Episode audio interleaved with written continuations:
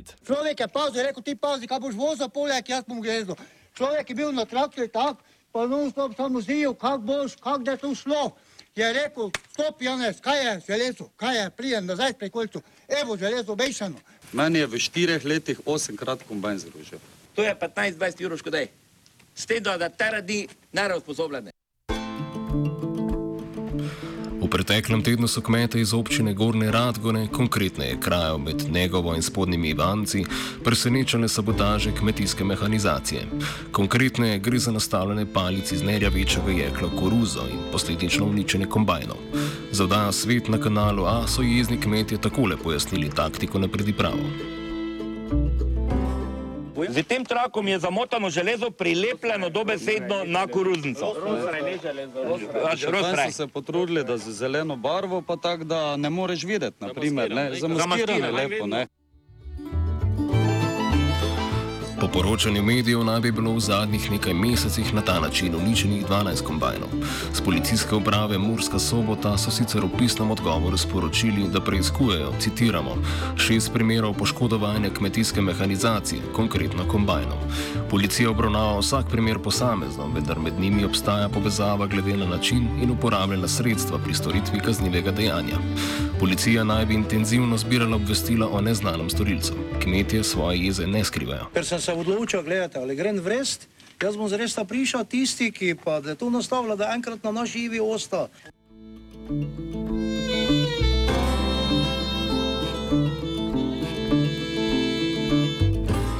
Je pa škoda na kmetijski mehanizaciji nepomembna v primerjavi s človeškimi življenji, ki bi jih to vrstna sabotaža lahko terjala. Pa tu noter preleti, kot vidite, in lopute vrže gor, tu zgoraj komeni sedi. Če bi to to pločevino vtrgalo, kaj bi tu šlo, ubije ga gore, komenista.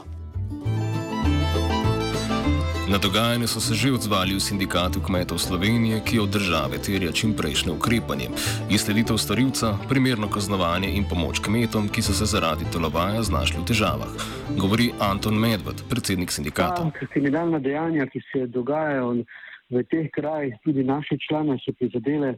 Eh, Glejte, že to je eno od upravil, ki jih mora kmet upraviti.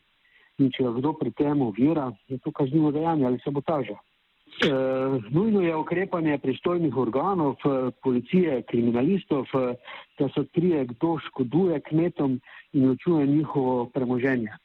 Kmetje smo že tako kamen spotike, kakorkoli, in tu bo treba ne mudoma ukrepati vsi organi, ki so za to pristojni, kajti če ne bodo tega, se to zgodbo ne bodo tega odkrili, bo se to nadaljevalo. In ta, ki to eh, dela ali to skupina ali kaj vandalizem, je verjetno to več ni, to je že prišlo v škodljivo, škodljivo dejanje. Danilo Rihtarič, direktor kmetijske zadruge Radgona, pojasnjuje, da bo imela sabotaža daljnosižne potle- posledice. Kmetje so namreč zaradi poškodovane mehanizacije zamudili optimalni čas za pripravo koruzne silaže. To pa pomeni manj krme za živino in posledično manj mesa in mleka za prodajo. strani kmetijske zadruge Radgona lahko povem, da je seveda to velika, uh, velika težava, predvsem za naše člane oziroma naše uh, dobavitelje, kako tudi kupce, uh, ki eh, kupujejo naš repromaterial in tudi nam dobavljajo uh, potem uh, proizvode, kot so mleko, eh, živino. In uh, problem je v tem, da predvsem ti večji kmetje, predvsem uh, proizvajalci, ki imajo nad 100 glav živine, imajo seveda težave, da eh, ker morajo urediti čim več eh, krme, kot so koruzne silaže in volumnozne krme, da lahko seveda eh, sestavljajo nemotene odbok. In eh, predvsem so zdaj težave, da so vsi ti kombajni, ki so na voljo za, eh, za žetev silaže, eh, v, v polomljeni, ali kako bi temu rekel, ker je v koruzi nastavljena eh, različne kovine, katere pa seveda kombajn eh, ne zazna. In eh, škode so precej velike, eh, pri nas seveda, koliko vsi kmete ne bodo morali eh, narediti silaže, da stalež seveda mogo ustrezno znižati in tudi, tudi posledično manj, manjša količina mleka in pa seveda manj govedje na kmetijah. Eh, in eh, seveda vplivalo je to na samo skrbo, kako tudi na eh, eh, slabše poslovanje, potem tudi kmetijska zadruga razvina. ne. In eh, to so tragedije, ki se lahko zgodijo v družinah, kajti družina živi danes od eh, kmetije, eh, ki so velike družine in, oziroma velike kmetije. In seveda, brez te silaže si ne predstavljam, kako bi lahko um, zgradili živino. Večina kmetij se po Rihtaričevih besedah že lotila reševanja situacije. Nekaj mehanizacije so popravili, poleg tega pa so se morali nasloniti na ostanek silažne krme iz prejšnjih let. Koliko sem danes preverjal po terenu, eh, se je kar nekaj silaže sedaj naredilo, eh, kajti eh, ti kombajni so se tudi v veliki meri tudi popravljali sproti, skoraj so, kot veste, med, koliko slišim, med 5 in 10 tisoč evrov po enem lomu. In eh, eh, zdaj nekako večina kmetij je to danes že uredila silažo. Večina. So še neke kmetije, katere oddelale ta teren in drugi teren eh, in upam tudi, da bodo uspeli narediti. Uh, kaj ti morate tudi zdaj delati nekaj, uh, silaža se lahko naredi samo v določenem času, uh, ko je koruza primerno, primerne zrelosti. Po, po uh, večji zrelosti seveda silaža ni primerna, ker je presuha in se seveda silaža ne silira pravilno.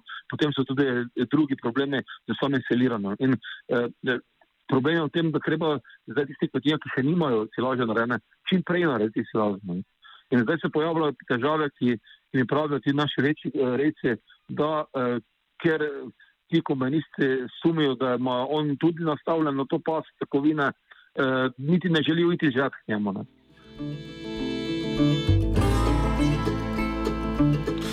V Sloveniji je sicer koruza ena najpopularnejših polščin. Po podatkih statističnega urada naj bi kar 40 odstotkov obdelovanih površin pripadlo tej izvorno ameriški enoletni žitarici. Rumeni storži tako uspevajo kar na dobrih 38 tisoč hektarjih. Glede na lansko leto, koruza zauzema kar 5 odstotkov več prostora. Agrarni ekonomist Aleš Kuhar pojasnjuje, da koruza daje dva produkta: koruzo v zrnju in silažno koruzo, pri čemer naj bi slednja močno prednjačila po količini. Ja, koruza, koruza je seveda v Sloveniji dolgo, nobena ni to presenečen, Slovenija je dolgo to primarna koruza, ker Slovenija je živinorejska država in pač rejci govedi seveda uporabljajo koruzo kot vstopno surovino, kot osnovno krmo svoje črede.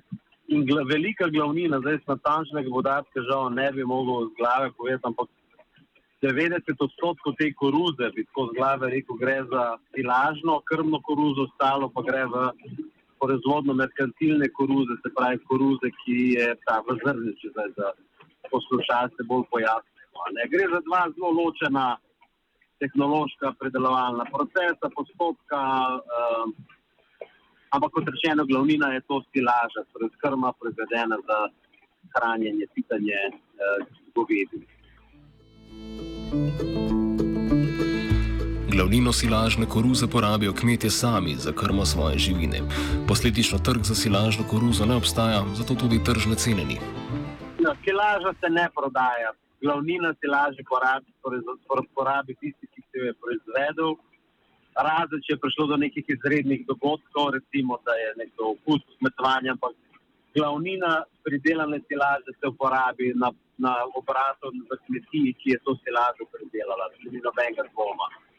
In tudi silaže, v bistvu, kot rečeno, se njo trguje bolj v nekih urgentnih situacijah. Tako da to ni tržno, tržno blago in glavnina cena, tržna cena za silažo praktično ne obstaja. Ko govorimo o cenah, silaže je to ocenjena modelna, ocen, modelna cena oziroma kalkulacija na podlagi stroškov, ki jo pa pri nas zelo natančno izračunava kmetijski inštitut. Tako da to je treba, treba ločiti. Ta cena ni tržna cena, ampak je modelna cena oziroma kalkulacija, bazirana na cenovni kalkulaciji. Nekoliko bolj zaželeno blago je tako imenovana merkantilna koruza oziroma suha koruza v zrnju. Letos naj bi bila ta cena rekordno nizka zaradi dobre letine. Strošek pridelave koruze je ocenjen na 170 evrov za tono, odkupne cene pa naj bi se letos gibale med 120 in 130 evri. Količina koruze je seveda odvisna od številnih faktorjev, pojasnjuje Urša Pečan, mlada raziskovalka na biotehnički fakulteti. Na količino predelka koruze um, vpliva izbira sorte oziroma hibrida, uh, potem gnojenje, uporaba fitofarmacevtskih sredstev, uh, količina vode v tleh in pa pojav raznih ekstremnih vremenskih uh, dogodkov, kot je recimo toča. Nizke cene naj bi celokupno blagodejno vplivali na stanje slovenskega kmetijstva, saj se večina suhe koruze porabi za močna krmila. Nižja cena koruze tako pomeni manj stroškov pri pridelavi mestnih izdelkov. Ja, zdaj z koruzo je tako, da je seveda močno povpraševana dobrina, se pravi v Slovenijo veliko koruze, te merkantilne koruze v zrnju uvozimo, ker je ravno tako uh, to sestavina uh, krmila. Ne, moč, se pravi, temu so včasih rekli močnih krmil, ampak gre v bistvu za sestavljena krmila na osnovi žit. Uh, in glavnino te koruze za, za, za sestavljeno krmo Slovenci uvozimo, večinoma iz uh, jugos- nekdanjih jugoslovanskih držav in iz Mačarske.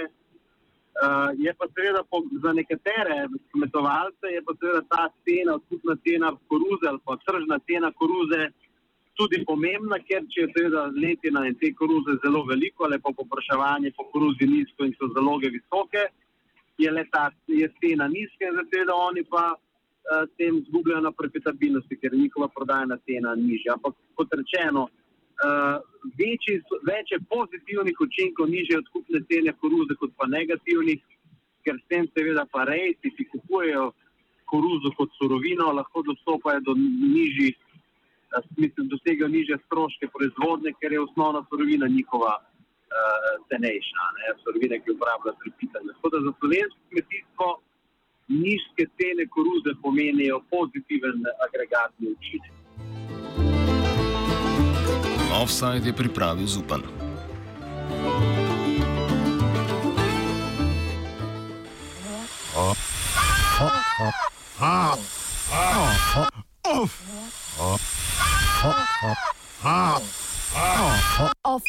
Side.